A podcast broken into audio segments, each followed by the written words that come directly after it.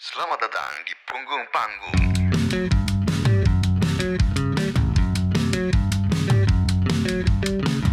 Eh, Cici kali ya, Ci. Lagu berikutnya dari lu apa, Ci? Ini lagu Ring. Lagu Ring dari Fingers ya, EP yang Iya. kemarin. Ini gue Favorit gue nih. ya. remix Ini- mukbang. Eh, favorit gue, sebenarnya favorit gue middle sih. Cuman kenapa Ring? Karena eh, di sini gue kembali bermain piano sih lebih tepatnya itu. Boleh Ini gue share screen. screen ya. Imuk bang gitu, tepekah. Dan nih keluar ya. Keluarnya kayak kayak mukbang. Aduh, aduh, gue selalu skip dah. Jadi eh, lagu Ring ini, ya.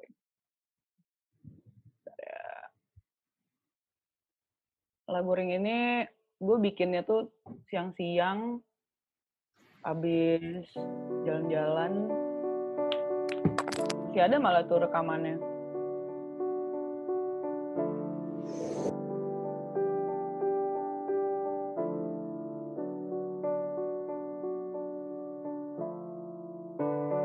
There is something about the play. The human is talking to each other's prayer. Could we stand it until we gray? Maybe one thing that I could change. It would be hard, but it's worth the wait. Remember, one day we'll go back there. You see, the signs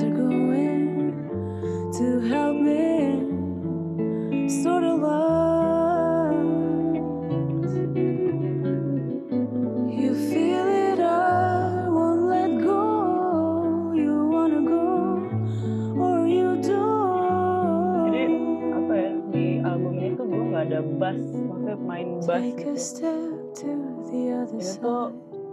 It would be kayak- something we can excite. apa ya, ibarat es tuh biang esnya lah ibaratnya gitu. You should be wondering about the nights. You should Di be sini gue banyak banget main dan layer di backing vokal. Mana sih backing that's just vokal? what they said. Jadi, ya.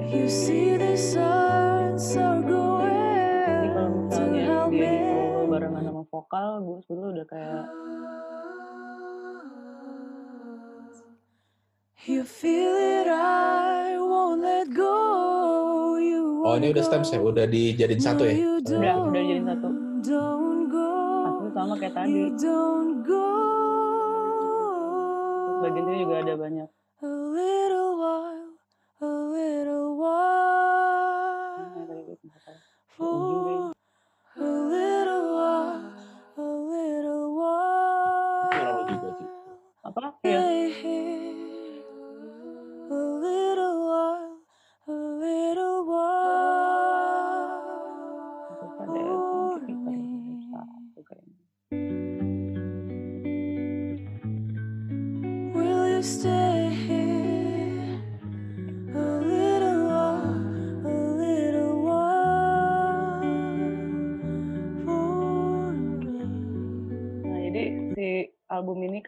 sebetulnya gue mau bikin full band gitu.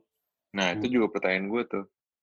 Jadi gue gue biasa lah kayak lintasan waktu biasanya eh, kayak pet tuh gue udah gue isi. Jadi setelah gue tahu dapet sih satu lagu, gue ke studio, gue isi gitarnya. Tapi gitarnya gat doang sih karena gue ngerasa kemampuan gitar gue katrok banget lah. Ibaratnya gitar lava aja deh gitu. Yang penting gue isi guide gitarnya, gue isi patternnya, bagian interlude yang mana dan lain segala macam. Terus gue isi padnya dan eh, biasanya sih backing bukan biasanya ya, gue selalu major di backing vokal untuk lagu gue sendiri karena kayak ada beberapa nada yang seharusnya sebetulnya pingin gue ganti string cuman karena string itu mahal dan butuh waktu jadi gue meng- mengakalinya dengan pad dan vokal gue yang emang ya udahlah biar mereka aja yang kayak gini-gini gitu nari-nari jadi Mahal tapi lu Hmm? eh, masteringnya di Abbey Road, Ci.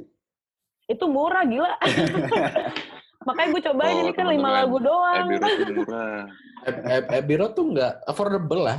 Nabung Affordable. dikit dapet kok. Iya, ini bass gue eh, pas pas lagi eh, nge- pas mau mastering nih, gue tanya, Pak, ini kita sekali-kali lah mastering di luar negeri biar gaya gitu kan udah ada nih gitu. Oh ya, Ci boleh, Ci boleh ya. Di mana di mana? Banyak yang eh, Lava bilang beberapa orang di sini di sini di sini di sini cuman sebetulnya saya pingin coba di sini di Abbey Road ini. Dan ternyata masuk gitu maksudnya eh, harganya masuk itu dulu. Iyalah. dan apa ya em, dilihat dari gue gue pas dengerin hasil masteringnya gitu di awal tuh gue ngerasa anjing vokal gue di depan banget ya. Terus gue ada rasa khawatir di ujungnya nanti peak gak nih ya karena musik udah pada masuk dan ada frekuensi yang memang Hmm. tinggi gitu Hmm. ternyata enggak loh itu bener-bener white gitu gue langsung kayak eh Berarti Gue lu sama Hardware friend, beda. iya makanya dan Gua buat gue segitu murah sih gimana gimana Jadi kan eh mungkin ini pertanyaan yang agak marketing ya. Ada Hmm. eh, meanwhile banyak orang-orang yang mengutilize fakta Road recording itu jadi angle marketing yang di-expose gitu ya. Mhm. Tapi kayaknya lo nggak terlalu melakukan itu ya. Nah, itu.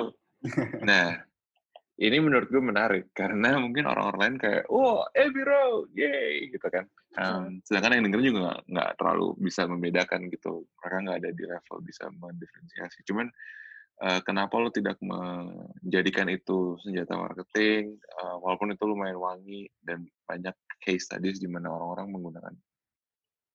kenapa ya eh, lebih ke ini sih ketika gue mikirnya ketika udah jadi nih album prek gitu.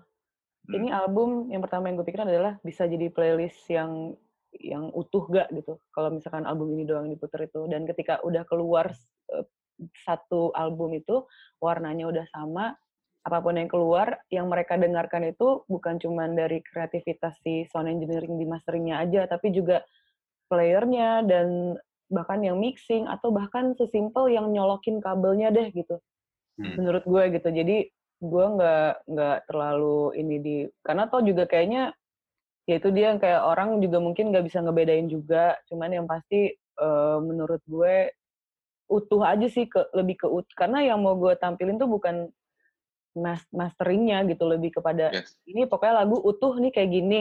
Kalau misalkan ada orang yang kayak nah jadi kayak gue akan nunggu pertanyaan mereka aja gitu kok ini lagunya Hmm. bagus ya audionya lo mixing mastering di mana baru gue bilang jadi gue lebih ke Ya. situ sih kalau gue Hmm.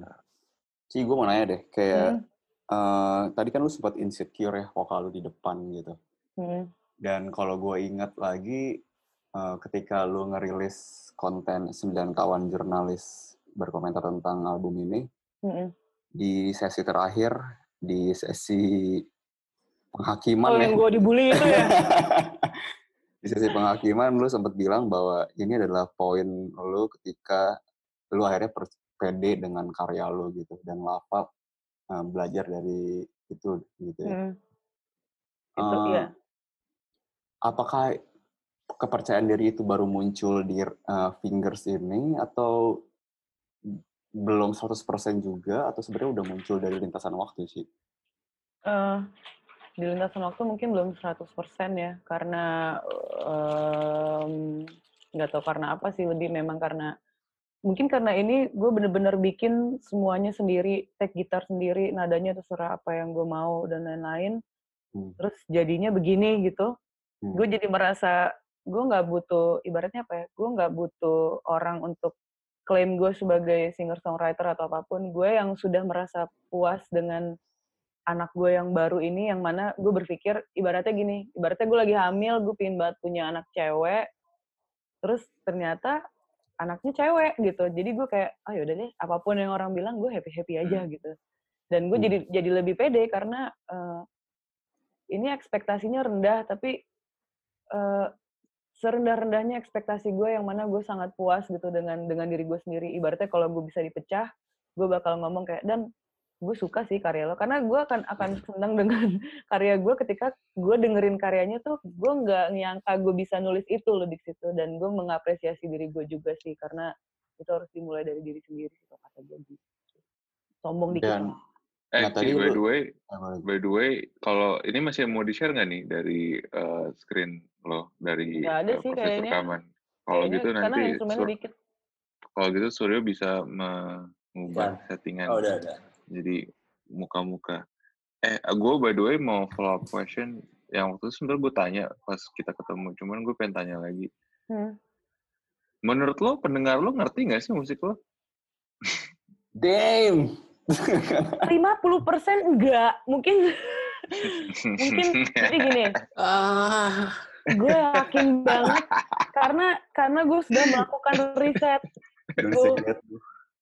Ini yang yang yang Suryo juga pernah bilang, e, Ci, gue seneng sih lo rilis rilis EP ini karena eh lo jadi makin ngefilter orang gitu, ngefilter orang yang memang suka dengan musiknya, baik itu dia suka musiknya karena dia suka Danilanya atau sebaliknya, dan lo dapet orang-orang baru yang memang lebih sefrekuensi lagi sama lo. Dan gue yakin ketika orang masih melihat Danila mana nih, Danila berdistraksi ada di sana, gue ngerasa mereka nggak tahu apa-apa soal musik gue gitu, menurut gue ya.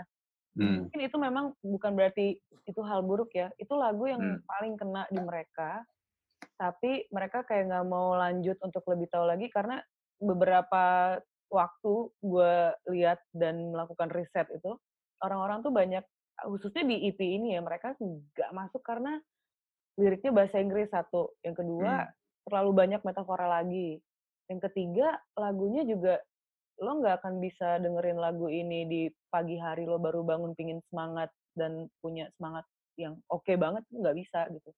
Dan di di EP ini gue jadi merasa ketika gue kan nggak pernah punya pemikiran buat kayak oh EP ini buat ini buat ini. Cuma pada saat endingnya masternya masuk gue dengerin gue ngerasa ini adalah uh, lagu di mana buat gue pribadi ini lagunya tuh kayak doa aja sih buat gue. Kayak gue lagi baca ayat di mana lo memang kalau lo mau dengerin lagu ini ya lo duduk aja lo duduk stay dan lo ngilang di dalam gue tidak menawarkan lagu yang mana eh bisa bikin lo happy tapi gue menawarkan sebuah goa lah ibaratnya goa yang cukup adem di mana lo bisa bisa ngilang bareng gue ibaratnya gitu Hmm. dan gue yakin 50 bahkan lebih sih teguh karena Yes. semua orang tuh masih gagap apalagi tapi ya untungnya gue gue gue bilang sama Lava gue mau ini di Spotify ini aransemennya begini tapi ketika live gue maunya beda gitu oh iya.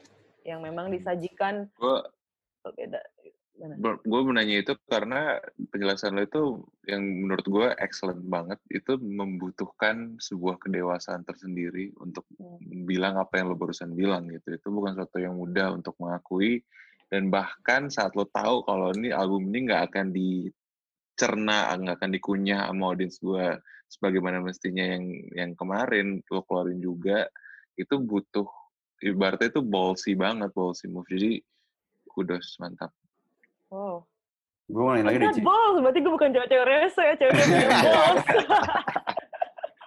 gimana, gimana bro? Eh, di sini kan, Cewek balls buat blogspot.com. di sini kan benar-benar eh, katakanlah bisa dibilang full lo yang mengerjakan gitu sih. Hmm. Tapi setelah bertahun-tahun lu bersama Lava ya, baik lagi nih kita menyebut Lava. Kalau Lava nonton, sorry nih gue mention nama lo terus.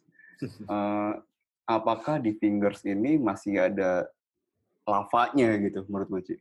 Masih sih sebetulnya. Di Masih. lagu, karena dia dia sebetulnya lebih kayak, mungkin secara teknis banyak dari lava, kayak misalnya tadi gue bilang nyolok kabel, terus di sini kan di sini kan banyak gue pakai gitar kan dan di situ gue pakai maksudnya gue nggak terlalu mahir dengan software Pro Tools yang detail banget gitu. Jadi gue akan Pak ini gimana ya? Oke ini pakai pakai preamp ini biasa gue pakai kuasa buat plugin sesi gitarnya dan lain-lain macam-macam dan ada beberapa hal yang memang gue terbiasa ngerjain juga dari album kedua. Dan ini menurut gue ketika ketika gue di ending lagu ini nih abis nih udah lima gue kerjain selesai. Dan ketika gue bertanya sama Lava Pak menurut kau ini gimana? Hmm. terus Lava kasih tahu pendapatnya menurut gue sangat ada lavanya sih. Karena kalau gue udah nggak peduli omongan Lava itu baru kayak ah bodo amat gitu. Jadi tapi Lava nggak mau dibilang produser. Dia bilang ini kayaknya saya lebih saya lebih bangga ketika saya dibilang penjaga studio Ci kata dia gitu. Habib. ya Suryo ya. Suryo Oke, Bas nanti Baik. ada komen, Bas? Bas ada yang mau dikomentari Bas Eh, enggak, Ci, kirimin stem saya dong. Gue pengen nyanyi ya. Kilo remix ya ini lagu yang emang buat gue remix remix sih Gue gue gue nggak denger kenapa gue suka banget sama lagu itu karena gue suka banget sama Radiohead dan dari, dari piano awalnya mengingatkan gue dengan eh, karya-karya Tom York gitu loh. Pianonya Oh. ke mana gitu. Kalau maksudnya gue nggak tahu lu sadar apa enggak dan kayaknya bahkan rilisnya tuh rilisnya tuh ring duluan setelah uh, sebelum Suspiria. Cuman mirip menurut gue kayak vibe-nya sama banget sama Suspiria-nya Tom York.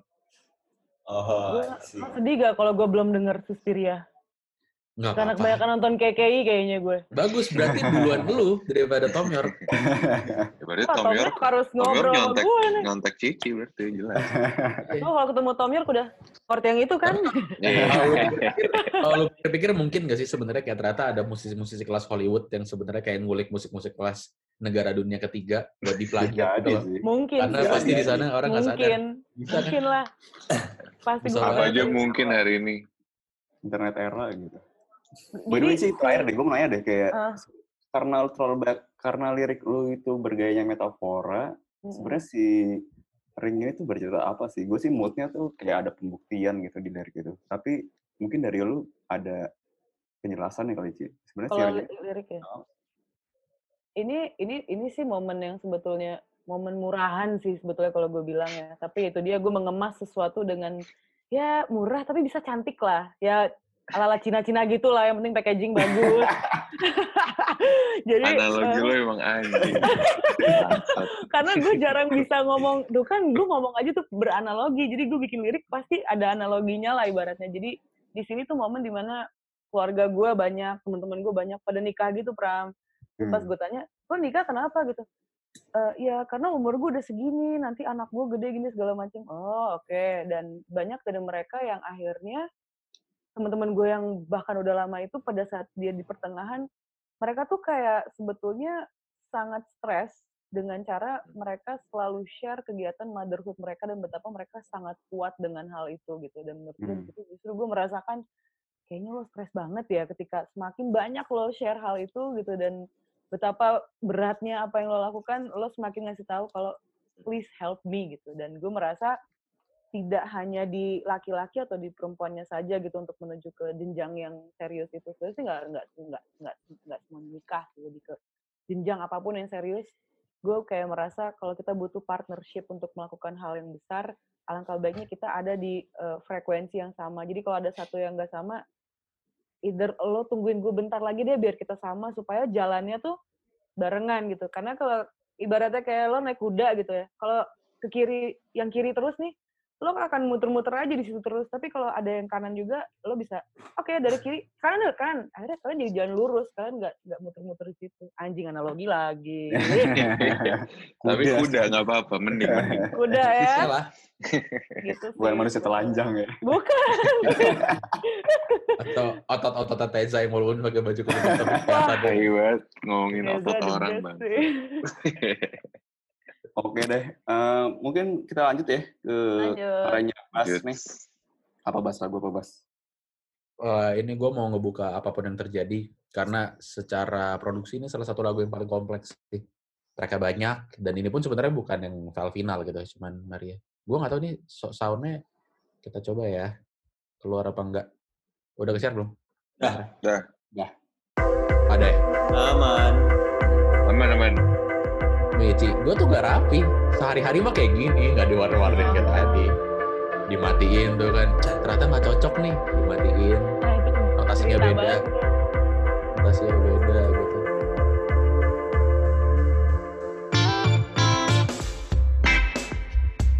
Oh, ini drama Ico belum, kayaknya belum ini deh. Baru satu doang, cuma satu ini. Ada yang bisa nebak nggak blueprint gue bikin lagu ini apa? Gue gue udah lihat playlistnya tuh. Kan nggak ada yang bukan Apa Amy tuh? Winehouse ya Mayor Hotter. Ternyata Nami Winehouse make sense sih. Ya merah tuh ya. itu itu beberapa yang gue dengerin juga. Cuman sebenarnya pas gue pertama kali banget dapet ide John Mayer. John Mayer mungkin di Petra ya di gitarnya ini kan semua Petra yang ngetek gitarnya nih dan Petra banget. Kayak Petra Joshua si holding banget gitu loh. Makin lu dengan produksinya dia, lu makin sadar kalau itu gitar Petra gitu di Labirinda Tulus misalnya gitu. Kayak, By the way ini lagu favorit gue di album lo Bas. Oh ya. Eh, apa namanya? Pertama kali gue dapet ide nulis lagu ini adalah ini kan sebenarnya lagu tentang putus ya maksudnya Hmm. Mungkin dibandingin lagu-lagu India yang lain yang tema-temanya mungkin lebih umum lebih kehidupan ini yang tanda kutip paling keju lah paling fiksi gitu secara topik gitu tematik. Cuman gue pengen mengemas dengan cara yang berbeda aja gitu buat gue pribadi kayak sekarang kan mungkin lu sedih ngerasainnya. Atau pas lu nulis itu atau pas lu ngerasain itu bertahun-tahun lalu mungkin sedih. Cuman buat gue pada akhirnya sih sebenarnya ya, eh, ini sesuatu yang kalau lu ngomongin putus, lu ngomongin kayak mantan pasangan lu gitu, mantan istri lu, mantan suami, itu sesuatu yang ntar kayak 5-10 tahun lagi lu ngomongin itu akan jadi sesuatu yang bisa lu bawa ketawa gitu. Lu Iya. bawa senyum pada akhirnya. Jadi pas gue dapet ide nulis itu dengan tema itu, gue mencoba menggambarkan lagu ini dengan cara yang setanda kutip uh, evergreen mungkin lah. Jadi gue dengar Iya. banyak uh, How the Future Love Forever gitu, makanya si Pram tadi bilang lihat di playlistnya kayak gitu kan. Uh, lagu-lagu yang gimana caranya pas gue kasih denger ini ke nyokap gue gitu misalnya. Karena nyokap gue lumayan keep up dengan proses bermusik gue kan. Dia akan merasa ini sesuatu yang familiar yang kayak oh iya nih ini sesuatu yang kayak kayak kayaknya mama udah pernah denger tapi nggak tahu ini lagu apa gitu. Makanya semua pilihan notasi nadanya kayak gini. Kayak dari menurut gue dari dari stems drum yang dipakai pun juga udah tua banget gitu. Hmm. cuman ini kalau gua buka referensi utamanya apa ini kan share screen kan pasti semuanya udah pada denger ini kok Apa sih? Geprek bensu dong. gitu. Placement produk mulu. masuk nggak suaranya Masuk. hmm tapi nge-lag How do you mean, do you mean when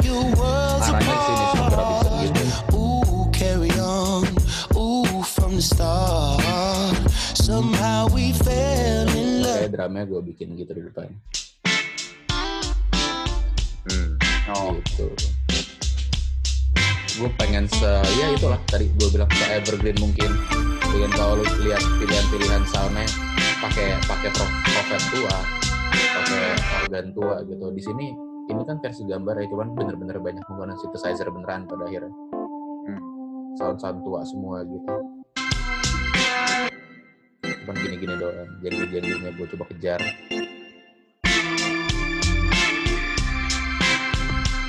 Banyak detail-detail yang gue buang sih tapi akhirnya di lagu ini karena ternyata ramai sekali secara secara sound. Bahkan terlalu wide yang kayak kayak kalau di mastering akan gober gitu loh. Nggak bisa nempel.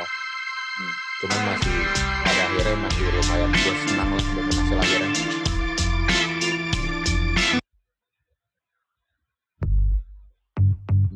suara-suara gini-gini doang.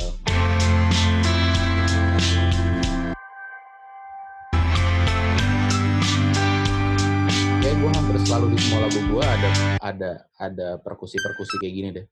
Di evaluasi juga tadi ada. Seneng banget sama soundnya itu gitu kurang lebih.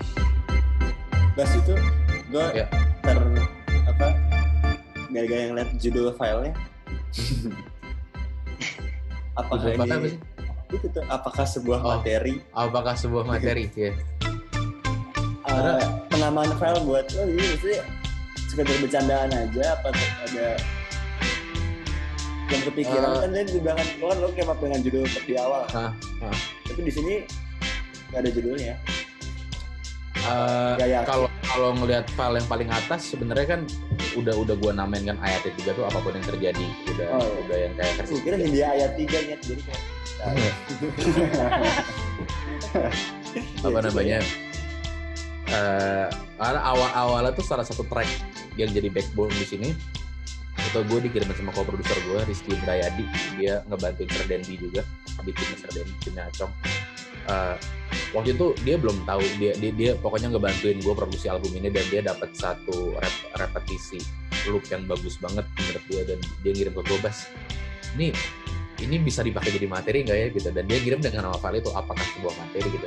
Pas gue masukin nama file masih nempel di atas sampai sekarang. Oh, Oh, pas pertama kali gue denger nada itu gue langsung tahu kalau ini lagu ngomongin ini dan bisa gue kembangin dengan suara-suara gitar Petra gue minta misi-misi kayak gini nih oh. kayak gitu Berarti itu balik ke ke ini ya, konsep bahwa kata-kata tuh meant to be ke sebuah nada gitu. ya. Yes, gue setuju. Gue setuju. Gue sangat setuju dengan itu gitu. Gue pernah waktu itu uh, dengar podcastnya George Daniel sama Matt Healy-nya 1975 di satu podcast UK namanya Take Notes. Jadi kayak podcast, podcast produksi juga. Uh, Matt Healy itu ternyata salah satu uh, cara dia mendapatkan lirik adalah pas dia udah dapat lagunya dia skating gitu yang kayak cuman nah nah nah nah nah nah. dia, kalau Oh. misalnya kita nyanyi kayak gitu kan lafal kita suka random kan. Kadang-kadang nah kadang-kadang lah kadang-kadang kayak gutural di bawah gitu. Dan dia bilang dia membiarkan mulutnya dia mendapatkan kata-kata yang tepat. Oh, jadi kayak kalau kalau dia skating belakang kayak du du du du du, du, pasti mungkin dia dapat kata-kata waktu misalnya kayak ya dan dan segala macam yang nerimanya seperti itu gitu. Jadi menurut gua ada benernya banget bisa dibilang beberapa kata itu sudah be jodoh dengan beberapa notasi tertentu, udah takdir. Bas, uh, menurut gue lagu ini tuh termasuk yang uh, agak mencuat dari album lo karena nuansanya berbeda sama lagu-lagu lain. Hmm. Lo uh, menjadi concern nggak sih saat ada satu lagu yang kayak saat lo ngeliat satu albumnya as a whole project itu sudah satu yang kayak ini agak beda deh itu apakah lo bodo amat apakah itu memang sengaja apa gimana Eh, buat gue sih sebenarnya apa namanya eh, di terutama di album menari dengan bayangan ya gue nggak terlalu mikirin ini genre-nya apa gitu atau secara Hmm. Ya, musikal ya. benang merahnya apa karena tadi bener banget pas Cici cerita Lava pernah ngomong apa dia bilang kalau ntar eh, kau sudah yang nyanyikan pasti akan terasa sendiri benang merahnya gitu pada akhirnya hmm. Eh, karena ada ada ada body reflex yang lu bawa, ada masalah memori yang lu bawa gitu. Dan buat gua kadang-kadang topik-topik tertentu dengan tema-tema dan lirik-lirik tertentu itu lagi-lagi sudah takdir dan jodoh dengan ciri khas musik-musik tertentu. Ya. Buat gua pas kayak di saat gua pengen ngomongin yang kayak eh, ya apa pun yang terjadi ya kita abadi tapi di masa lalu gitu karena ya yang udah ya udah bukan berarti lu nggak bisa besok-besok ngomongin hubungan ini dan selalu dan tetap harus sedih terus gitu. Buat gue langsung di kepala gue ya, ya Eba terus habis itu kayak apa namanya Hawthorne, Amy Winehouse, Hmm. Anderson Paak gitu, Making Better kayak tadi Eh, lagu-lagu yang yang se- sebisa mungkin ya se evergreen mungkin gitu. Karena gue pengennya bahkan pas gue nulis lagu ini gitu, gue tahu temanya itu, gue pengen kalau misalnya suatu saat ada orang tua gitu yang mungkin sudah cukup berumur dengar lagu gue yang ini, dia bisa ingat pacar dia yang pertama bahkan di saat dia udah punya cucu sekarang. Hmm. hmm. Gitu.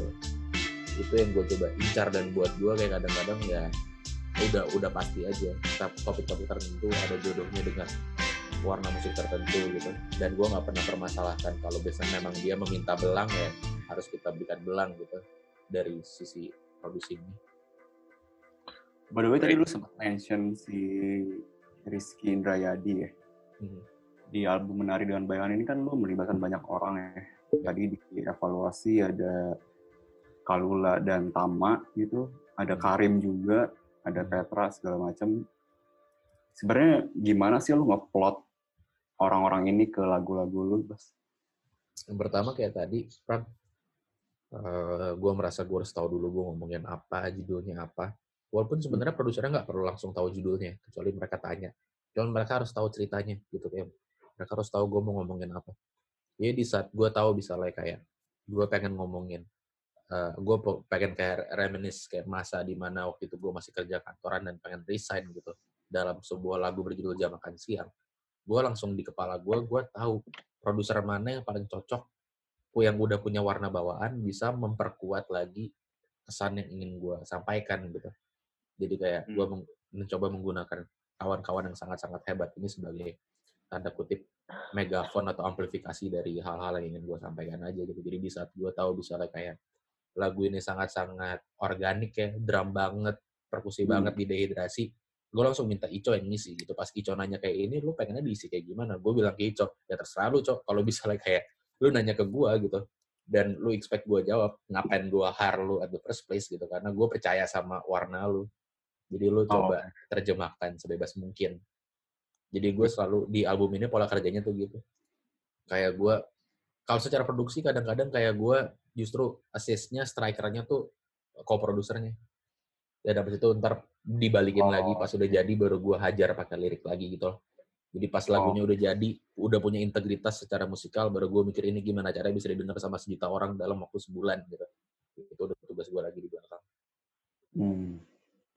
Dan gue sebenarnya mau ini sih, mau nge-highlight uh, liriknya ya. Gue sempet nyatet nih. Mhm. Salah satu liriknya adalah ukuran sepatumu, pantangan dan dietmu masih berguna di masa lalu gitu. Iya. Bagi gue masih berguna itu untuk harusnya di masa depan kan. Dan lu menggabungkannya sama masa lalu gitu. Itu menurut gue menarik banget sih. Kata, gue gimana gimana menurut gue kata masih itu harusnya Hmm. untuk masa depan gitu. Iya. Masih itu untuk masa depan harusnya. Hmm. Pasangannya ya. Hmm. tapi lu menggunakannya sama masa lalu itu maksudnya apa bahasa gue masih Eh, gue gue pernah waktu itu disanggah juga tanda kutip sama beberapa kawan-kawan produser yang terlibat dalam album ini pas kalimat itu keluar. Cuman buat gue pribadi waktu ini ini ini pandangan gue pribadi ya dan pendapat gue pribadi from waktu itu nggak linear gitu. Jadi di di momen yang sama kita lagi ngobrol sekarang berenam, ada kita berenam yang belum kenal empat tahun lalu ngelakuin hal yang kita lakuin di empat tahun lalu sekarang Hmm. kayak eh, dan menurut gue kayak kalau bisa lu sudah mengakhiri hubungan lu dengan pasangan lu sekarang gitu kalian udah nggak kenal lagi ada masa di mana lu masih akrab banget sama dia di masa lalu dan sekarang masih kejadian gitu. Cuman karena buat gue time and space itu nggak ada kata-kata end di tengah-tengahnya adanya time space. Jadi kayak lu tuh nggak waktu tuh nggak garis gitu coba kayak muter aja. Dan buat gue uh, ada memang memang secara penulisan ada kayak tanda kutip permainan secara secara apa ya bahasa gamblangnya permainan tanda kutip dimensi waktu lah dalam dalam dalam lagu ini terutama. Karena ini kayak gue ngomentarin sesuatu yang udah kejadian di masa lalu dari sudut pandang gue cuman kayak kesannya gue ngomong ke gue zaman dulu yang sekarang masih ada dan kesannya masih beraktivitas seperti biasa gitu. Oke.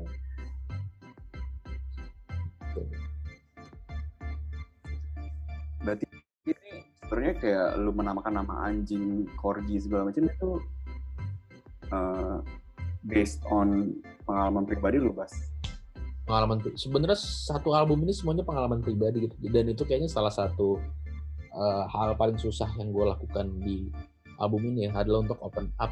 Karena kayak ke sana lu ditelanjangin di publik aja gitu. Walaupun nggak semuanya lu buka juga cuman kayak ada beberapa part ya. Yang tadinya yang tahu cuman lu sama teman-teman terdekat lu doang. Sekarang kalau orang mau ngulik ya mereka bisa tahu gitu pada akhirnya. Oke. Ini kan semacam kayak meromantisme masa lalu gitu. Iya. Menurut lu apa manfaatnya bas dalam meromantisme masa lalu ini? Ini lumayan jadi filosofis. Barusan teguh ketawa ya Pak Teguh. Lihat di frame. Kalau buat gua eh, buat gua satu kalau misalnya kita cari manfaatnya ya buat buat ke depannya kayak gimana. Eh, buat gue pribadi lu udah bener-bener bisa move on dan dewasa dari sebuah hubungan di saat lu udah bisa ngomongin itu secara terbuka dan gak lu tutup-tutupin dan lu nggak merasa beban di saat lu harus ngomongin itu oke jadi eh, di saat lu justru berlari terus dari situ yang kayak gue nggak mau ngomongin itu kayak buat gue ya berarti lu lu masih punya baggage yang lu bawa gitu lu harus bisa ngelepas itu dan menurut gue cara apa lagi salah satu yang terbaik di saat lu lu ngelepasnya di depan kayak berapa juta pendengar lu dan lu dipaksa jadi biasa sama itu pada akhirnya Hmm. By the way, tadi kayaknya lu sempet di lagu sebelumnya lu mention nyokap lu ya. Mhm. Dan di salah satu lagu lu juga di lagu apa ya? Ada mention nyokap lu. Eh, ada Esok voice note nyokap ada voice note nyokap gue sih di di album ini Apakah nyokap lu sudah mendengarkan menari dengan bayan secara utuh gitu? Dan apa komentarnya? udah udah udah Ya, dan dia dia suka sih dan kayaknya dia mungkin dia lagi nonton sekarang Oh, halo tante. Hai tante. Halo tante, maaf saya agak sedikit. Dia dia maksudnya nyokap gue tuh orang yang lumayan lebih tahu duluan orang di internet ngomong apa tentang gue daripada gue gitu gue suka bilang kayak udah lama gitu orang di internet tuh pasti kayak gitu gitu maksudnya Hmm. eh, Apa emang gua- yang dia bilang, Bas? nggak saya dia dia dia suka kesal aja sama remarks remarks orang-orang di internet yang eh, kadang-kadang too rude for no apparent reason gitu loh Hmm, kayak hmm. being rude just for being rude aja kan banyak banget ya maksud gue Iya, gue iya. yakin Cici ngerti banget lah kalau kayak perihal kayak netizen tuh mulutnya se- setajam apa kan lu kan punya segmen adu domba netizen sekarang kan. Iya, gue pengen gue bakar-bakarin, gue bakar-bakarin ya. maksud gue yang kayak gue bilang gitu di saat gue sendiri udah bisa yang kayak nggak sakit berusaha nggak ngelihat biar nggak sakit hati sama ini ya jangan jadi kayak lu yang sakit hati gitu. Ya karena gue yakin Hmm. sebenarnya ya orang tua mana sih yang yang nggak sakit hati ngeliat anaknya diserang kayak gitu ya cuman yang gitu kan naluri ibu lu nggak bisa ngelawan Nah, Berarti dia secara proaktif menyisir komentar-komentar di internet, Mas. eh mungkin ya secara nggak langsung kayak dia secara proaktif selalu keep up dengan apa pun yang gue rilis gitu loh karena kan banyak Hmm. pasti ada materi-materi baru kan tapi kan di situ ada kolom komentar Yes. hmm. dia, dia selalu tahu aja happening apa pun gitu dia dia tahu dia tahu lagunya Danila dia tahu lagunya kawan-kawan yang lain dia dia dari semenjak gue aktif di dunia musik dia berusaha mendalami dunia anaknya juga untuk mengerti dunia anaknya gitu loh Buat lo itu sesuatu yang uh, intimidating, intense, atau malah liberating? Buat gue pasti dan gue percaya pasti semua anak yang emang kayak nggak sedekat itu sama ibunya dalam konteks yang kayak kadang-kadang kan ada beberapa teman kita yang kayak dia sama orang tuanya kayak sahabat gitu ada kan Iya. Cuman kan itu itu menurut gue privilege nggak semua orang bisa merasakan hubungan yang sangat dekat seperti itu sama orang tuanya cuman Hmm. buat gue untuk anak mana pun pasti di tahap pertama di saat dia tahu orang tuanya skip up itu sama hidupnya dia pasti awalnya agak intimidatif sih pada pada pada Hmm. pada awalnya kayak pasti ada ada rasa kayak anjir gue terintimidasi dengan kayak semua pergerakan gue kesannya kayak eh, orang tua gue tahu gitu cuman pada akhirnya justru di saat kayak lu menerima itu aja berarti lama-lama lu makin terbuka dan gak ada yang ditutupin gitu dengan anggota keluarga lu jadi sangat-sangat lega gitu pada akhirnya karena kayak Iya. lu in a way tahu kalau you guys are on the same page gitu pada akhirnya lu sama-sama tahu perkembangan apa kejadian apa gitu. Nice, Baik. nice. Oke. Mungkin kita ke pertanyaan kali ya. Ya. Tapi sebelumnya trivia dulu nih, Rafa WhatsApp gue. Apa? Apa katanya? apa pak Ci, Ci, udah digosenin juga, kagak dipakai. Jadi Oh iya, lirik ya. gue baru nge kalau Oh, gue iya. bikin lirik ring tuh di bon ini toko besi Oh, dan iya. alat listrik. Oh, iya. ini highlight kita dua hari lalu Iya, iya. semua iya. penonton harus lihat Ini adalah lirik ring ada dua sih di awalnya. sini. Ini ada toko material dan alat listrik, yang atasnya ada toko besi dan alat listrik. Nah ini belakangnya lirik lagunya ring. Dan gue baru tahu karena ini semua di studio kan. Hmm. Jadi eh, si Lava yang nyimpen nyimpenin berkas-berkas yang harusnya dibuang tapi dibuang sayang gitu. Jadi ya Pak, ini pengiriman barangnya tidak sia-sia ya Pak ya. Dari tulis situ ada yang berubah nggak, Ci? Nggak ada, nggak ada yang berubah. Ada yang gue coret-coret doang sih. Oh iya, kalau misalkan misalnya kalian lagi ngetek vokal nih berdua nih. Hmm. Ada nggak tiba-tiba pas ngetek vokal terus tiba-tiba kayak kayak liriknya gue ubah dikit deh. banyak Kejadian banyak? Ada, gue ada. banyak Yang last minute nggak? Ada banyak gue banget. banyak Misalnya kalimat apa? di kalimat diputer urutannya terus kata ada yang terlalu halus atau ada yang terlalu kasar jadi dibikin kasar atau dibikin halus juga ada dan biasanya tuh itu input-input dari kawan-kawan terdekat yang ada di studio gitu loh dari produser pasti juga Cici kayak gitu kan yang kayak Hmm. di, di, dikasih input gitu kayaknya kalau gini lebih enak Hmm. soalnya kadang-kadang ada beberapa kata yang mungkin pas ditulis bagus cuman pas dinyanyiin kalau sama kata yang baru kayaknya lebih enak gitu ternyata Iya. terimanya Ingat nggak apa ya masing-masing satu? Tadinya harusnya Oh. ini, terus jadi ini.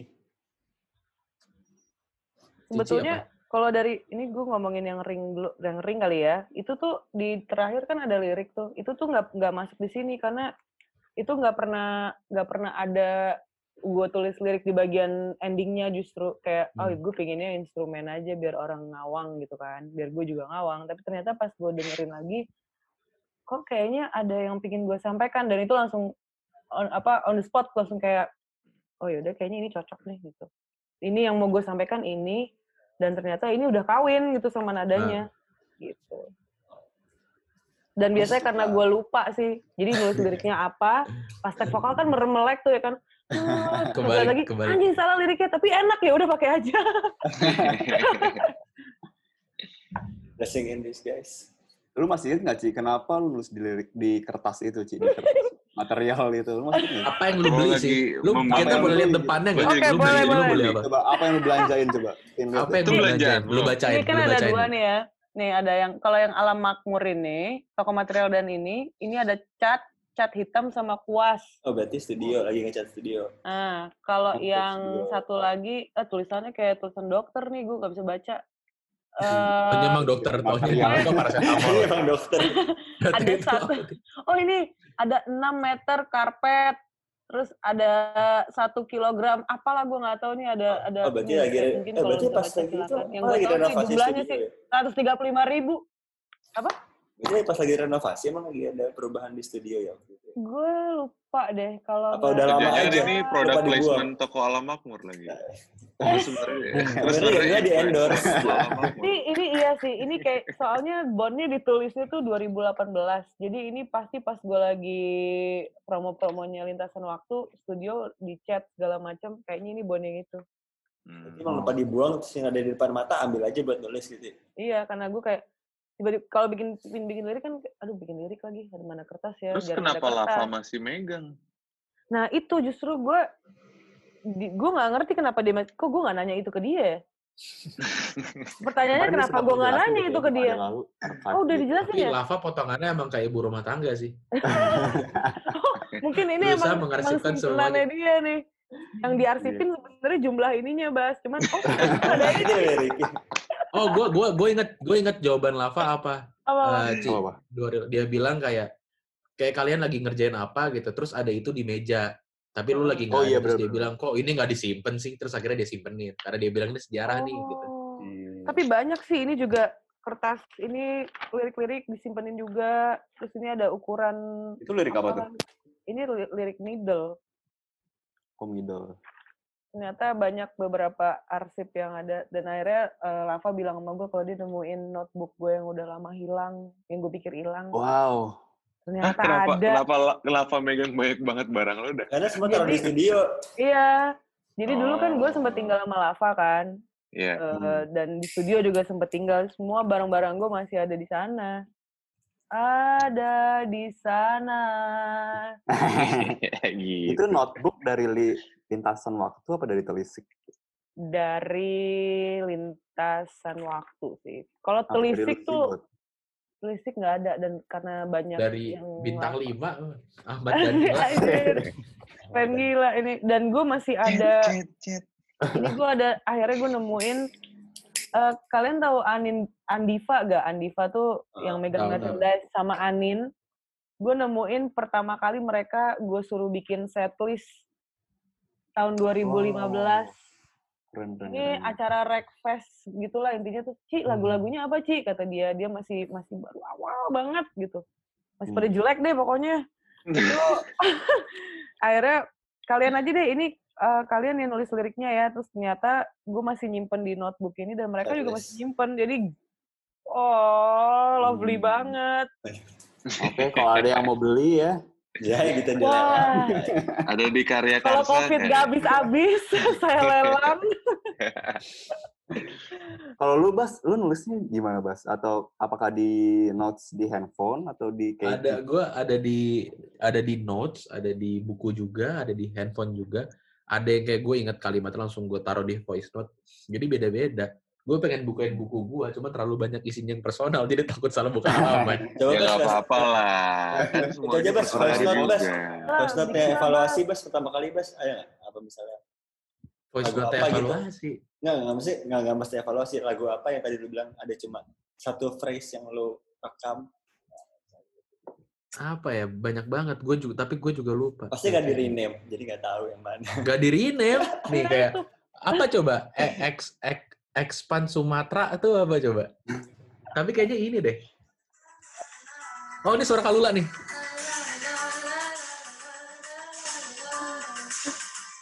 Tanggalnya tanggal berapa tuh? Gitu. 8 Februari 2019. Oh, ba- oh baru. 2019. Aduh. Ini suara Kalula kan, dia ngerekam ini. Kayaknya ini Kalula semua deh. Oh, kalau lu tuh bukan nulis lirik ya, tapi sama nadanya juga ya. Nada, dia nada doang. Jadi gue udah punya waktu itu ada liriknya, terus dia bilang, ini ini kodanya bisa lebih megah, Bas. Gitu. Waktu itu gue masih kerja di Double Deer. Terus Hmm. kebetulan gue lagi sama dia lagi gabut gitu, kita buka laptop, terus dia ngasih masukan kode-kode di belakang. Jadi yang kayak Bila suka gosok gigi evaluasi itu kalau lah. Oh, Kata-katanya juga. Enggak kata-kata gue. Oke Nah, lah ya. Oke itu dari itu lumayan ini sih, lumayan nyangkut banget sih. Gitu. Menarik, menarik, menarik. masuk ke pertanyaan nih. Oke, Q&A ya. Gue coba bacain salah satunya nih. Dari Abdan Syaifur Rahman. Halo Abdan, nanya ke Danila, Ci, kenapa di EP Fingers semua lagunya berbahasa Inggris? Beda dengan dua album sebelumnya yang semua berbahasa Indonesia. Ceritanya gimana sih, Ci? Jadi pas bikin lagunya tuh kan kita ini ya gibberish ya asik banget gibberish. Jadi kayak mumbling mumbling terus kayak mm, ya itu tadi sebetulnya terkadang memang si kata-kata itu tuh lahir pas kita lagi nana-nana terus oh, iya, kayaknya kata ini bagus deh. Nah jadi pas bikin lagu di album ini tuh sebetulnya pinginnya bahasa Indonesia Pram. Cuman gue udah coba bikin bahasa Indonesia terus pas gue dengerin kok agak agak gue nggak suka ya gitu. Lebih ke kok gue nggak suka ya dan kok lagunya jadi jadi kayak maksa gitu Hmm. terus habis itu gue memastikan lagi dengan cara gue gue tanya Lava gitu pak ini gimana pak bahasa Inggris lah Ci ngapain gue jadiin bahasa Indonesia kata dia Hmm. gitu oh ya udah akhirnya gue gue stick kepada Jadi, pokoknya mood gue yang pertama yang bikin tuh bahasa Inggris jadi ya udah bahasa Inggris Hmm. apa Sebenarnya nih, jadi sebenarnya gara-gara lava ya. Anjing gara-gara Lava karena gue suka gue suka gue sebenarnya gue pengen banget bikin tuh lagu bahasa Indonesia doang gitu loh. Karena eh ya udah karena kita orang Indonesia. Cuman kadang-kadang pas misalkan baru baru bahkan baru di voice note doang gitu gue gue suka kirim Fafa nih gimana nih gimana bisa nggak bisa nggak? gitu. Dan dia selalu jawab bisa tapi ini kayak bahasa Inggris sih gitu. Dan itu biasanya karena gue juga udah udah nyanyiin dengan bahasa yang tanpa sadar oh lagu ini tuh bahasanya ini gitu hmm. Hmm. Hmm. Sebenarnya gue mau nanya follow up question sih. Ini kan sebenarnya dari dulu sampai sekarang masih ada perdebatan ya menulis lirik bahasa Indonesia dan menulis lirik bahasa Inggris itu ada yang bilang lebih mudah bahasa Inggris, ada yang lebih cocok dengan bahasa Indonesia. Kalian melihat ini gimana sih? Dari lu mungkin, Bas. Buat gue sebenarnya lagi-lagi cocok-cocokan sih. Kayak lu nulis bahasa Inggris tuh nggak salah, tapi nulis bahasa Indonesia juga nggak salah gitu. Hmm. Eh, senyamannya lu Hmm. aja. Kayak misalnya kawan-kawan kita ya, Bang Mastro Sri Hutomo ini kan, buat gue pribadi bahasa ibunya Bam itu bahasa Inggris. Hmm. Karena dia lebih lama tinggal di luar dan lebih lama bercengkerama dengan budaya luar daripada budaya Indonesia Hmm. gitu. Jadi di saat dia nulis bahasa Inggris gitu menurut gue dan dia bilang dia susah dan merasa kayak bukan dirinya dia buat nulis bahasa Indonesia dan dia ngomong kayak gitu misalnya kayak di media gitu di- didengar banyak orang buat gue sah-sah aja karena emang dia lebih nyaman nulis bahasa eh, bahasa Inggris, Inggris. gitu loh Hmm. pada akhirnya. Hmm. Eh, kalau pengalaman gue sendiri kayak bener kayak kata Cici tadi ada beberapa lagu yang kayak udah didemoin pakai bahasa Inggris dan mau dibikin jadi bahasa Indonesia kok jadi jelek gitu dan sebaliknya cuman kayak memang di satu dua tahun ke belakang gue lagi memaksakan diri gue untuk nulis bahasa Indonesia dulu sebanyak banyaknya gitu Hmm. karena buat gue kadang-kadang menguasai penulisan bahasa Indonesia itu jauh lebih sulit dibandingin bahasa Inggris karena lo mungkin karena udah terbiasa mendengar bahasa itu jadi kayak lo merasa ada hesitation buat anjir tiba-tiba gue mau bahasa Inggris gitu lo kayak tiba-tiba ada ya gue gue Gen Z banget deh gue Nggak apa-apa. gue juga masuknya Gen Z tau gue Tai. Horting. Dimas Dimas Gen Z Dimas apa tuh gue Eh, gue millennials gila. Milenial itu sorry sorry milenial. sorry. lu Ya, milenium lu Y2K beda Anjing, Panji dong. ada ada ada hesitation itu loh yang kayak apa namanya eh nggak nggak nggak nggak nggak natural aja pada akhirnya karena karena mungkin lu udah terbiasa tersaring saking terbiasanya denger lu diri lu sendiri ngomong bahasa Indonesia gitu dan apa namanya tapi akhir-akhir ini gue merasa gara-gara gue udah lama nggak nulis lirik bahasa Inggris gue merasa bahasa Inggris gue tumpul deh secara penulisan ya bukan Hmm. ngomong tapi yang kayak eh gue udah lama nggak nulis bahasa Inggris masih bisa nggak ya gitu Atau mungkin kalau udah kan kebiasaan segamblang itu di bahasa Indonesia, nggak bisa diadaptasi Yes, ke bahasa yes. Inggris kali. kadang-kadang di saat gue dapat demo bagus atau kayak lagu bagus gitu dari produser kayak gue gue humming pakai bahasa Inggris gitu uh, asal ceplok ngambil kata bikin kalimat-kalimat gitu pas gue mau beneran produksi serius jadi bahasa Indonesia tuh jadi susah gitu anjir susah ya kayak substitusi bahasa Indonesia tuh nggak jauh nggak seefektif bahasa Inggris buat gue ya nggak sih Ci? yang kayak Hmm. lu bisa ngomong satu kalimat sangat-sangat kongkais gitu di bahasa Inggris kalau di Iya. bahasa Indonesia tuh lo jadi kayak kalimatnya Oh, bersayap eh, banget mesti banyak ini ya itu di, kembali lagi ke diksi sih jadinya Iya. Lu gimana Ci menurut Ci? Perdebatan antara bahasa Indonesia dan bahasa Inggris di lirik. sebenarnya hampir sama sama malah yang kayak Baskara bilang kayak lebih ke senyamannya aja sih. Kayak itu kalau gue lebih mungkin si lagunya ini kadang-kadang emang kayak dia kayak ngomong kayaknya lo sama gue bahasa Inggris aja deh bro gitu atau enggak. Kayak bahasa Indonesia bisa deh gitu. Eh. dan gue merasa itu tergantung eh nadanya sih kadang-kadang. Kadang ada nada nyanyinya ya maksudnya melodi nyanyinya gitu. Ada yang mana ketika kita nyanyiin ini tuh kayaknya agak agak agak katro gitu kalau misalkan bahasa Inggris justru atau malah agak cringe kalau misalnya bahasa Indonesia justru menurut gue jadi kayak memang senyamannya kita aja yang ngerasa gue pingin ini bahasa Inggris maka gue akan jadikan ini bahasa Inggris menurut Gak ada gue formulanya berarti ya? Beneran Nggak ada rasa formulanya. aja.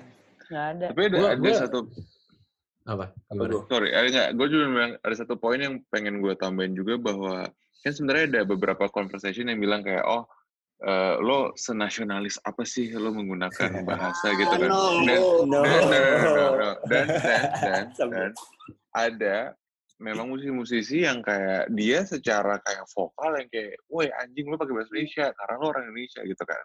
Ya emang kayak agak-agak ekstrim gitu dan Hmm. dan gue tuh ada beberapa sosok yang kayak gitu. Tapi yang mau gue bilang adalah kayak menurut gue bahasa yang lo pakai itu nggak ada katanya sama nasionalisme lo gitu. Ada Hmm. orang-orang yang kayak super fluent ngomong bahasa Indonesia cuman nggak punya nasionalisme dan vice versa. Ada orang yang kayak ngomong bahasa Inggris terus cuman dia nasionalisme tinggi gitu. Jadi menurut gue itu dua percakapan yang berbeda gitu. Jadi Hmm. eh, apa pun bahasa yang lo pakai ini kan tadi kan yang dibilang Cici sama Baskara tuh kayak lebih ke masuk apa nggak ke musiknya udah gitu kayak emang jodoh apa Hmm. enggak gitu itu semua arts gitu kan tapi kalau pembicaraan nasionalisme gue nggak sepakat kalau lu bilang kayak oh kalau orang Indonesia kalau nasionalis lo pakai bahasa Indonesia? Gue nggak sepakat sih itu yang mau Iya gue terus terus orang yang ngomong gitu masih ngomong which is ya literal iya. Ini lo bocok slam dan itu kontraproduktif sama yang dibilang tadi Bas Gen Z bahwa kayak emang Gen Z lo ada lo di di generasi di mana lo terekspos sama budaya whatever it is yang global jadi ya lo udah nyampur-nyampur dan kalau lo masih ada di koridor yang kaku banget soal mendefine itu menurut gue jadinya jadi kontraproduktif sama mindset lo menurut gue kayak gitu. Hmm. gue punya beberapa gue punya beberapa orang-orang dekat dengan hidup gue gitu teman-teman terdekat gue yang satu dua orang doang sih tapi yang memang punya notion seperti itu sih gue Hmm. sebenarnya yang kayak eh, buat gue enggak lu kan orang Indonesia lu harus nulis lirik di bahasa Indonesia dan dan dia sangat-sangat budayawan gitu Hmm. Dan kalau dibilang kayak kalau kalau lu pengen nyerang balik kontribusi dia apa kontribusi, kontribusi dia juga banyak. Jadi sebenarnya kayak mungkin in way kalau dia ngomong fair fair aja. Cuman gue happily ngomong ke dia secara argumen gue bilang kalau ya gue nggak gue menghargai lu 100% tapi gue nggak setuju. Ya. Ka- kalau gue lebih maksudnya itu satu tadi omongan itu gue ada bener juga dan yang kedua menurut gue anjing gue lupa gue mau ngomong apa ya bangsa nanti aja aduh ingat-ingat bener. banget gue udah ujung banget nih gue pengen aduh gak gak gak please, eh, sur eh Suryo nggak kelihatan Top, Oh, topiknya jangan jauh-jauh dari sini dulu dong tapi biar iya, iya, iya. bahasa masih bahasa masih bahasa ya udah nah udah minum Bas udah inget belum Eh, belum. biasa oh ini, ini. Gue ingat gue ingat. gue ingat. Sangat-sangat juga menurut gue harus lo pertimbangkan lagu-lagu ini itu yang lo tulis dengan bahasa-bahasa tertentu ini tujuannya apa. Misalnya kalau emang lo pengen ngomongin sesuatu yang sangat-sangat publik gitu yang ada urgensi eh, ada urgensinya yang sangat besar di masyarakat. Bisa kayak lo ngomongin permasalahan kemanusiaan sosial gitu. Hmm, hmm. gue nggak mungkin tanda kutip gue ngomongin gue gue misalnya di album keduanya Fizz gue nulis pada milik rakyat pakai bahasa Inggris gue gue goblok banget buat gue gitu. Kalau misalnya gue nulis peradaban atau pada milik rakyat pakai bahasa Inggris. Karena menurut gue nggak tepat guna. Lu pengen ngomong semes mungkin sepublik mungkin seakar rumput mungkin harusnya dengan kalimat dan bahasa yang sangat-sangat gampang dan mudah diterima semua orang gitu. Hmm. jadi eh, apa namanya perdebatan bahasa ini sebenarnya kadang-kadang lucu juga. Karena gue kadang-kadang menemukan juga di internet orang-orang yang mengeluhkan lagu-lagu mereka yang tidak didengarkan secara luas gitu padahal sebenarnya topik-topiknya penting tapi dia berbicara dengan dengan bahasanya dia yang sangat-sangat eksklusif buat gue gitu sama buat ini ini gue sangat-sangat menghargai kayak berbagai macam pergerakan di berbagai macam bidang ya, misalnya kayak di Ya. ekologi, environment, Ya. feminisme. Cuman kadang-kadang menurut gue yang kayak lu, logikanya buat gue kelongkap aja nggak nyampe gitu. Lu pengen ngomong ke orang-orang yang justru harusnya sangat-sangat orang sehari-hari. Jadi kalau misalnya lu turun misalnya kayak woman strike gitu ya jangan pakai banner bahasa Inggris. Terus itu kalau di foto pun ya keren lu masuk whiteboard, masuk manual, masuk segala macam lingkungan-lingkungan lu. Tapi si circle jerking doang gitu. Nggak jadi sesuatu yang bisa punya tamparan besar ke publik yang lebih luas pada itu akhirnya. menurut gue poin yang penting banget kan dan, dan yang tadi lo jelasin tuh sebenarnya purely dari segi kayak emang bisnis dan marketing gitu kan lo bilang kayak lo pengen lagu lo ini lo tembak ke mana nih gitu kan Hmm. kalau lagu lo, lo tembak ke kalau lo nggak mau circle jerking ya bahasa Indonesia gitu jadi ada- udah ada tiga nih dari bahasa tadi. Dari awal pembicaraan kalian di awal tentang purely art. Ini menemukan pola tones dan seterusnya gitu kan. Terus tadi gue mention soal nasionalisme.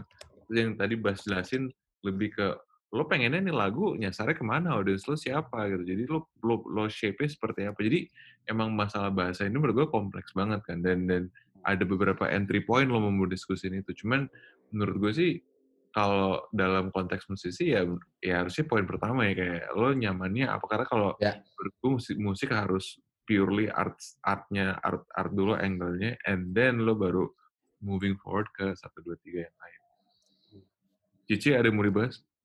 Em, mungkin lebih ya itu sih karena kita berbicara art di, pa- eh, pastinya di musik menurut gua kayak nggak ada peraturan yang pasti gitu tentang membuat sebuah art gue pengen bikin musik eh, suara doang. Dan menurut gue gue udah gue udah udah bilang ini bukan lagu dan. Suara doang. Nggak ada nggak ada gitar ya nggak ada ini. Kalau gue bilang itu lagu maka itu lagu.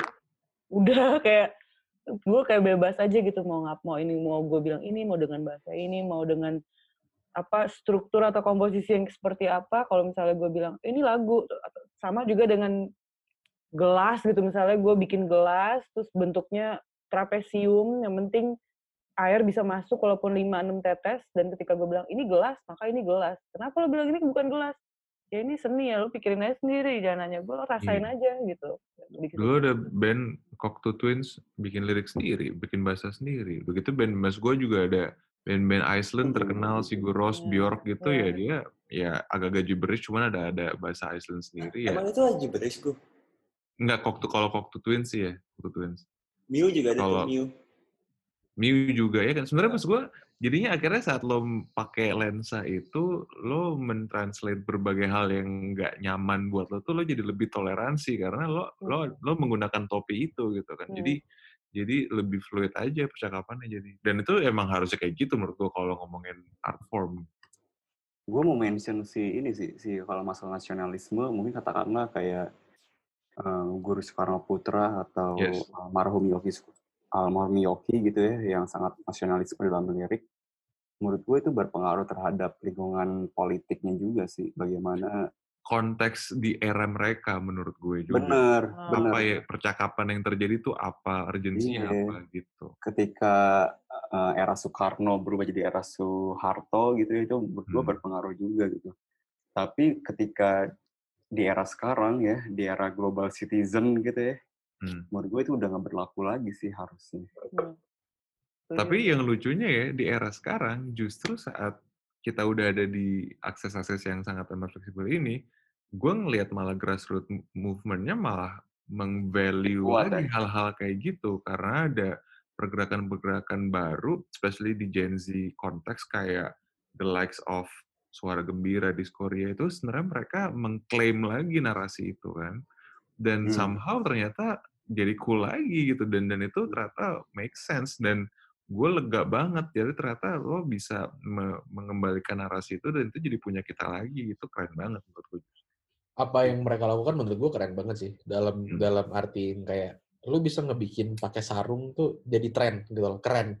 Hmm, bukan sesuatu yang kayak lu lu pakai itu malu gitu keluar nggak kayak gitu betul betul gue sepakat gue sepakat dan butuh dedikasi dan konsistensi yang tinggi ya ya. banget soalnya gue ngeliat Oi pakai sarung di sinkronis gue yang kayak Oi lo nggak gerah apa itu Tapi to be- pakai sarung ya Bas, ingat nggak di binus kita.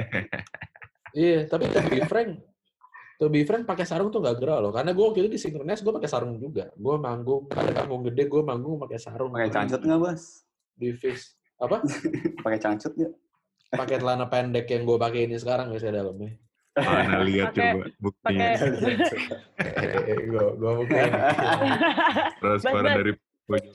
pakai sarungnya Apa? sarung yang dininjain dong tapi bawahnya nggak pakai apa-apa tuh gak gerah banget itu pasti adem Belum. gila Oke, ini ada pertanyaan satu lagi dari Muhammad Farel Al-Fatah.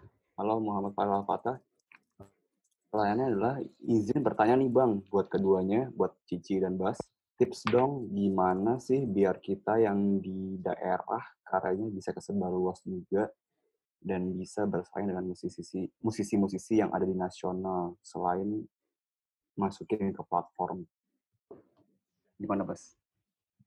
Harusnya yang jawab teguh wicaksono gak sih sebagai akademisi kalau pertanyaan kayak gini Akademisi gimana? Akademisi.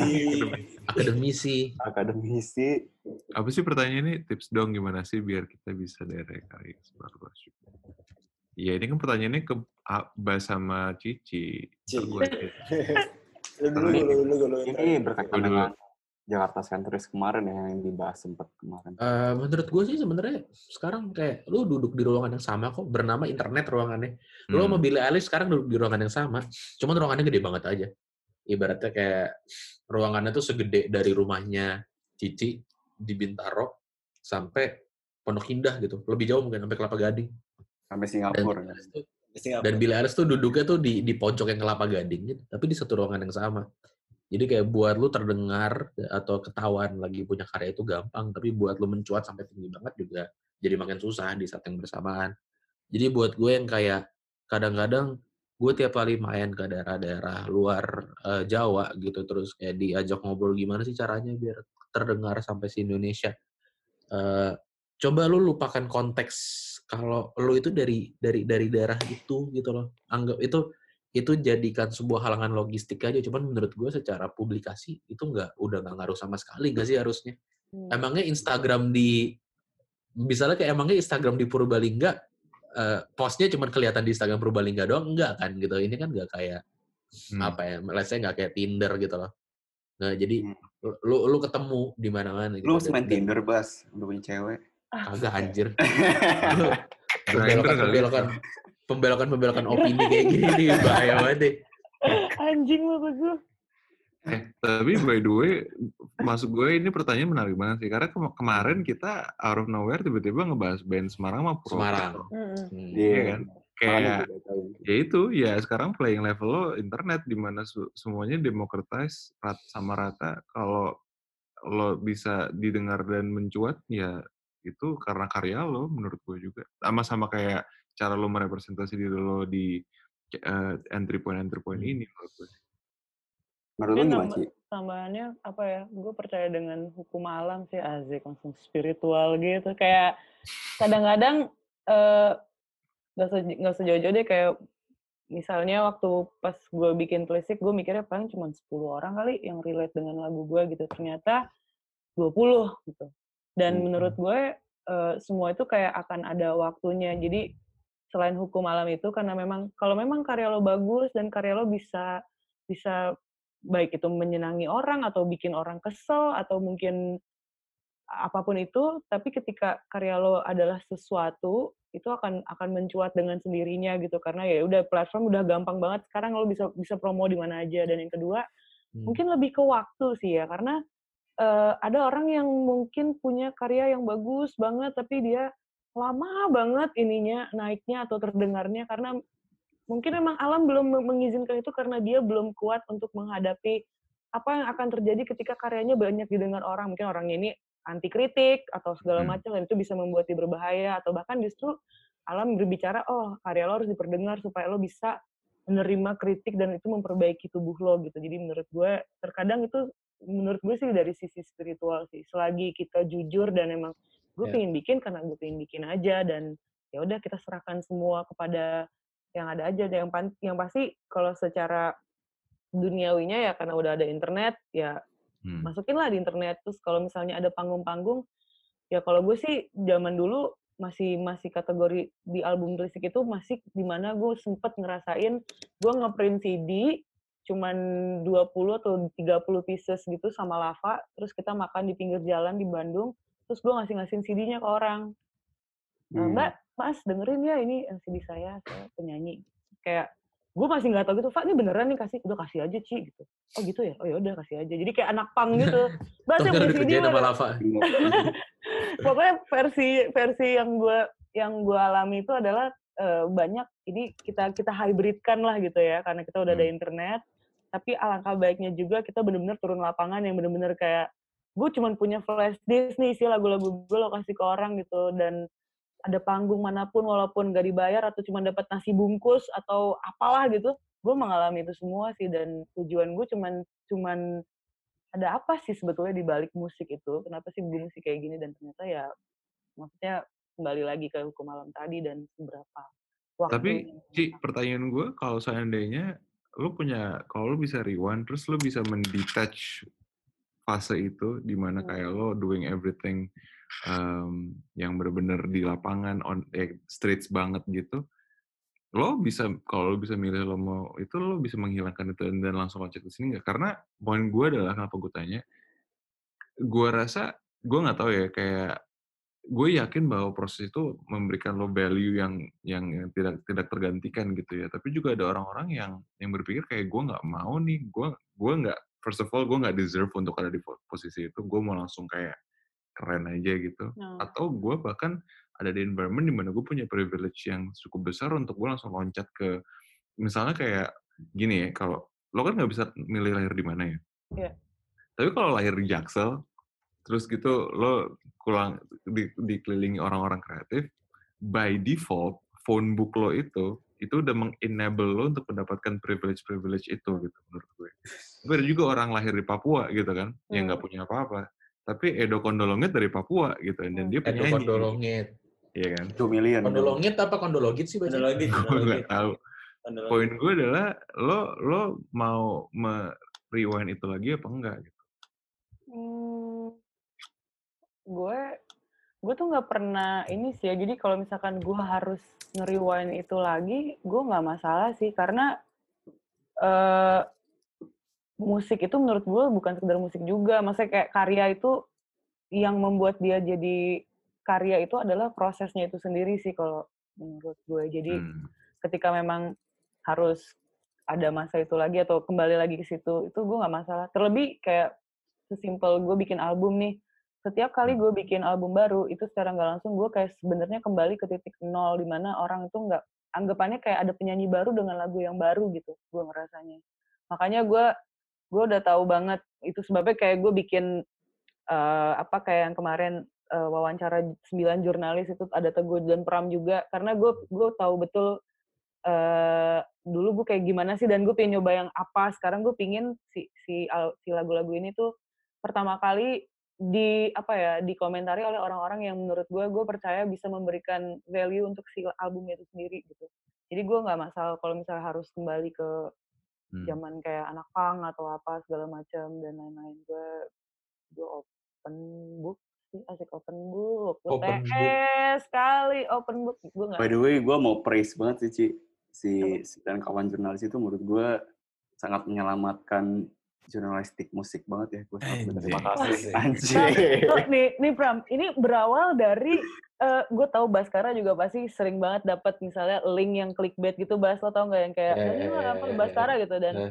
dan pada saat dicek tuh isinya press release yang kita kasih doang gitu, kayak Hmm. kopas Sering atau banget. misalnya parah kan dan gue merasa enggak nggak apa-apa gue gue ngeluarin ini anak gitu ibaratnya. Nggak apa-apa lo komentar apa aja gitu karena gue tetap sayang sama anak ini. Jadi dan Hmm. dan gue gue sangat milih gitu karena di era era kemarin tuh eh, media banyak yang gue nggak percaya karena mereka banyak mengeluarkan kalimat-kalimat yang sebetulnya nggak ada hubungannya sama gue atau musiknya sama sekali atau bahkan di musiknya itu mereka tidak mengomentar tidak mendengarkan lebih tepatnya. Jadi gue gue pingin eh, orang-orang ini mungkin yang yang apa yang baru terbiasa membaca clickbait gue pingin bilang sama mereka kalau sebetulnya musik itu zaman dulu atau dari zaman dulu banget sih sebetulnya mungkin ada loh orang-orang yang memang dengerin dan mereka mau berbagi apa yang mereka rasakan ketika mereka dengerin itu dan gue pingin Hmm. orang-orang itu orang-orang yang gue pilih karena kalau misalnya yang udah ada gua, itu sudah terjadi dan itu jadinya sampah anorganik gitu yang gue gak bisa apa-apain dan Hmm. gue merasa untuk Tapi isi pas gitu. pas lo melakukan inisiatif itu gue agak-agak miris karena harusnya tugas ini tuh dikerjakan oleh industri Bener, institusi bener. media. Bener-bener Jadi- gue makanya gue sangat berterima kasih sama Cici kayak anjing ini Iya. tamparan buat para para kawanan Karena iya, jurnalis gitu ya kayak semua orang menjadi budak SEO dan kliks, ternyata artisnya sendiri sadar bahwa oh Iya. gue harus direview dan dikritik oleh orang-orang yang, maksud gue secara objektif gitu loh. Jadi. Lo men, lo mendetach kebutuhan industri media dan lo langsung masuk ke ke, ke core-nya bahwa ini ini tentang percakapan tentang diskusi dan pendapat gitu kan. Jadi gue seneng tapi gue juga miris kayak oh ternyata emang emang gak ada yang nggak ada yang present gitu at this point menurut gue institusi media yang punya punya fungsi itu gitu fungsi me- menganalisa fungsi membuat diskusi nggak ada di Indonesia. Makanya lo bikin itu gitu. Kalau ada kalau misalnya masih ada lo nggak akan reach out ke sembilan jurnalis itu. Mungkin lo Iya akan sih. rely ke industri eh ke ke ke badan Media. media. tersebut gitu. Itu juga kayak kayak pas kemarin itu kan meeting juga Mas Suryo eh yaudah kita bikin aja yuk gini. Karena gue nggak mau nih lagu jadi jadi bahan clickbait doang lah. Walaupun gue tahu nih kagak laku karena pasti dikit yang dengerin. Cuman kata kata Suryo juga kembali Oh iya, lagi Ci. kayak eh, gak apa-apa cuman kembali lagi kayak ya udah gue pingin bikin sesuatu yang memang menurut gue apa yang paling gue kangen sih sebetulnya. Sebenarnya yang mendasari semua yang dari sembilan jurnalis itu gue kangen di mana gue buka internet dan ada nama gue ke mention dan mereka review lagu gue dan gue baca isinya isinya gitu bukan gue baca press release gue sendiri gitu dan Iya cuy, Itu itu, bisa hilang. pakai jari sekarang parah banget ya. Itu cuman kopas kayak oke dikejar deadline atau apa. Tapi gue juga sadar media-media yang biasanya apa namanya mengolah itu banyak yang media-media terpercaya banyak yang udah tumbang atau bahkan mungkin Hmm. sudah beralih kontennya dan lain sebagainya dan itu juga tidak salah karena zaman juga mungkin ada yang mengharuskan mereka untuk mengganti itu karena orang-orang ingin sesuatu yang kalau kayak kayak gini deh akhirnya kebukti kan kalau orang-orang tuh tidak terlalu peduli dengan apa yang gue bikin dengan dengan review musik mereka. Dan gue semakin tahu beberapa orang sih yang satu kelas dengan kita dan beberapa orang yang Hmm. eh, satu kelas dengan yang lain gitu. Bukan berarti bagus atau jelek ya cuman beda kelas aja gitu bedanya. Jadi gue merasa setidaknya gue merasa puas karena gue memperlakukan si anak gue ini kayak ngasih sekolah yang walaupun nggak terlalu mahal atau mungkin nggak terlalu murah tapi yang pasti Hmm. gue mau apa yang masuk dalam otak anak gue itu poin-poin yang sebetulnya penting yang akan dia lakukan nanti ketika dia udah dewasa gitu. Hmm, good point, good point. Oke, ini ada satu pertanyaan terakhir nih ya, yang menurut gue sangat menarik nih. Dari Noni Akriani. Halo Noni. Eh, apakah benar lirik-lirik yang dibuat dalam waktu singkat justru malah lebih terasa berbeda dari yang lain? Even lebih, lu- lu- lebih luar biasa. yang singkat memang lebih luar biasa biasanya Asik. Yes. Gimana, Bas? Aduh. Tunggu, tunggu. Anjing. padahal bukan gue yang nulis lirik anjing Dibuat dalam waktu singkat malah lebih luar biasa. Menurut lu gimana, Bas? Lu- luar biasa mungkin nggak nggak necessarily luar biasa ya, tapi lebih punya kesan mungkin gara-gara ditulisnya dalam waktu singkat gitu. Menurut Hmm. gue dia berkesan karena ditulisnya dalam waktu singkat dan karena ditulisnya dalam waktu singkat makanya dia berkesan. Lu ngerti kan kayak bolak-balik logikanya, cuman ya kayak gitu loh maksudnya. Bukan berarti udah pasti lebih bagus ditulis dalam waktu singkat sih, enggak, enggak juga. Lagu lu paling Ada- cepet apa, Bas? Dibikinnya, Bas? Rumah ke rumah gue setengah jam di Family Mart. Daniela apa paling cepet? Family Mart dekat rumah gue, serius. Apa ya? Pink hitam kali ya yang terakhir. Oh, itu di di awalnya itu satu lagu. Dan lu pecah jadi dua, kan? Iya. Kan gue anaknya demennya perpecahan. Asik, asik. Gue pecah-pecahin dulu biar muter. Berapa lama, Ci, bikin pink hitam? Aduh, gue lupa. Itu siang doang kok. Pokoknya gue lagi makan tahu kriuk aja. Sambil makan tahu kriuk aja gue bikinnya. Kalau krip, yes. Gue Iya. pak gua ini gua kopi susu apa tetangga ya? Apa namanya kalau yang di Pasti ada tuh Family makanan yang selalu nemenin lo bikin lirik. Iya, bener banget, bener banget, bener banget. ini mesti placement nih ting langsung Iya. Oh, iya. Oke, kalau boleh ada kali lagi, kalau boleh kali. ada brand yang mau masuk jangan lupa ntar ke email SFTC apa gue sama gue Club bisa saya ya. dua-duanya. Info Contact at soundsfromthecorner.com. Karena ada wacana ini mau dibikin berkala ya seperti kemarin.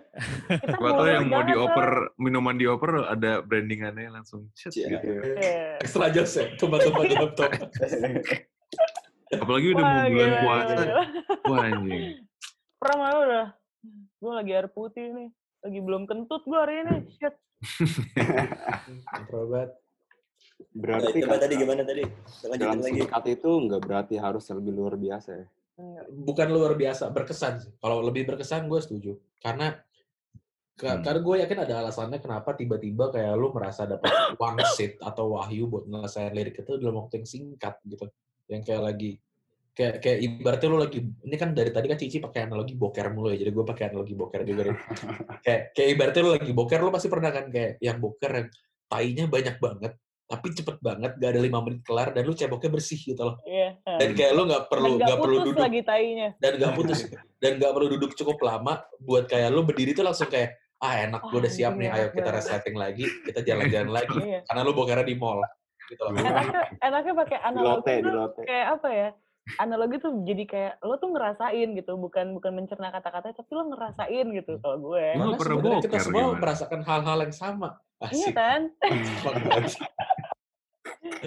gue sosok sih. profana dari boker doang padahal setuju sih gue sama Baskara yang bilang itu berkesan apa itu lebih ke berkesan tidak selalu bagus gitu. Iya. Kesannya pasti beda, pasti ada value tertentu yang membuat dia Karena gue yakin pasti pas lu nulis pink hitam lu inget banget tahu kriuknya, inget banget siangnya karena Iya, itu momen yang penting gitu. Lu menyelesaikan satu komponen yang sangat penting dari anak lu di momen itu. Lu tahu semua detail, lu mungkin inget eh waktu gue lagi ngapain, pakai baju apa, di meja yang mana. Pas gue nulis rumah ke rumah di Family Mart juga kayak gitu. Gue apa yang kayak, mas itu ada meja, nggak mau duduk di meja aja, mas Satpam gitu. Karena gue nulisnya di kap mesin mobil gitu. Oh ya? Kayak, "Heeh." Lo nggak mau taruh GoPro atau apa dulu gitu kayak videoin? Anjing, siap banget ya, siap banget. ya. Vlogger banget tuh, gitu, liriknya di gini nih, ini liriknya. Ada gini. Pakai drone, pakai drone. Ngaruh, ngaruh. Eh ngaruh itu fokus, focusing. Oh ya? Emang Iya. emang Pepi, kabarnya Pepi. Dimas. Happy. Ya gitu. Pepi, Pepi. Pepi. Happy. Oke, Eh, guys, asik guys lagi ngomong. Cocok ngomong guys. Eh, terima kasih ya. Kayaknya udah hampir dua Udah jam. berapa sih? Kita. Le- Lewat Udah dua jam tiga lebih. jam. mau tiga jam ini kita. Gue kok sepakat Wow. sama Baskara ya kayak kok kayak ada chemistry di antara kita berenam. Anjir. Apalagi udah ngomongin boker-boker, gue udah suka tuh. gue gogon sih, gue suka sih gogon sih. Ya, gue nunggu lo yang keluar mulutnya gue. ada gogon teguh langsung dar. Gue Nah, apa? apa? ini tunggu YouTube-nya dimatiin ya, biar bisa ngomong bebas nih. Belum, berarti belum mati dong. Nggak tuh Suryo diem-diem nyalain sama Dimas. Iya, Tadi emang belum mati nih tadi. Emang belum mati nih Iya, sekarang. belum Mati. Oke, Aduh. eh, Eh, teman-teman terima kasih yang udah nanya banyak banget pertanyaan yang bagus. Tapi Ya kok udahan udah tiga jam gila nih di komen. Ya kok udahan. Ah, Tahu Suryo di warnet juga nih. Udah dong 29. Healing udah ratusan ribu nih ya, sorry banget. Kita harus menghentikan sesi ini. Terima kasih eh, Baskara, Danila, Teguh untuk sesi ini. Ini sangat sesi yang sangat menarik gitu ya. Hmm. Gue udah Ketiganya. lebih dari mabuk sebenarnya. Ya. Oh, masa kalau mau udahan ya? Alasan diem aja. Oh, gue mau tanya gua nih. Anjing. Kenapa kenapa doi matanya merah? Oh, Mata udah. Udah di putingnya gitu. Turun banget. Cici nyontoinnya mirip banget. Soalnya gue sama Pram kan nggak ada eyelid sedikit. Eyelidnya Iya. PMR, pasukan mata rapet. Ya gitu. Eh, teman-teman yang nonton mungkin kalau mau ada input eh, edisi berikutnya siapa yang mau kita bahas seperti ini dari tes tes sampai punggung panggung eh, boleh di Instagram Sounds for the Corner ataupun Agor di Club siapa yang mau kita bahas gitu ya Eh, Cici dan Bas terima kasih banyak atas waktunya Kayaknya mereka tetap mau ada di video deh, Pram. Iya Kalau di- deh. Untuk At least gue jadi kayak Suryo sama Dimas deh, sama Cici kita Iya bantu-bantu aja.